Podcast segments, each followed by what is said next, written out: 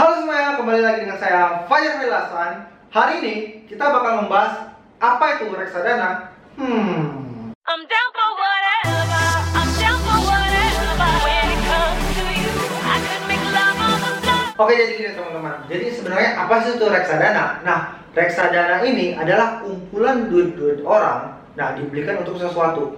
Reksadana ini jadi eh, banyak macamnya ada reksadana saham, reksadana pasar uang dan lain-lain. Nah, misalnya kita bahas reksadana saham nih.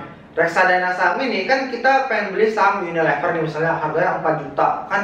Kita cuma duit eh, duit kita 100 ribu dan pengetahuan kita tentang saham itu sedikit gak tahu kapan waktunya masuk. Jadi kita direkomendasikan beli reksadana. Orang-orang yang punya duit 100 ribu kayak kita dikumpulin lah tadi orang-orang 100 ribu tadi untuk dibelikan reksadana. Nah, uangnya udah dikumpul tadi, di- dikasih ke siapa? Dikasihlah kan namanya manajer investasi. Manajer investasi ini kan eh, seorang profesional. Jadi profesional yang bakal kayak ngelola keuangan kita biar bisa menghasilkan keuntungan. Jadi gitu dong reksadana itu kumpulan duit misalnya duit kalian 100 ribu dikumpulin 100 ribu itu dikasih ke manajer investasi. Nah, manajer investasi itulah yang mengelola duit kalian.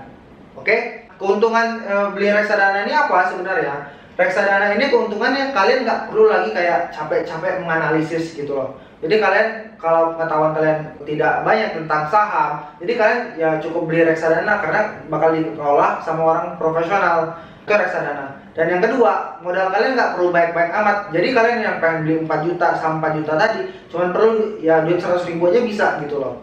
Kan enaknya kayak gitu. Itu reksadana. Tapi kalau reksadana ini juga ada jeleknya. Jadi bukan untungnya doang.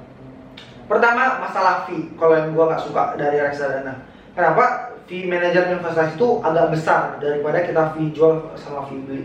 Jadi jadi itu gua nggak suka fee-nya terlalu besar dari reksadana. Dan yang kedua di dalam dunia pasar modal, gue banyak eh, kayak komunikasi sama orang-orang ahli keuangan. Mereka bilang nggak semua profesional manajer investasi itu jago mengelola keuangan.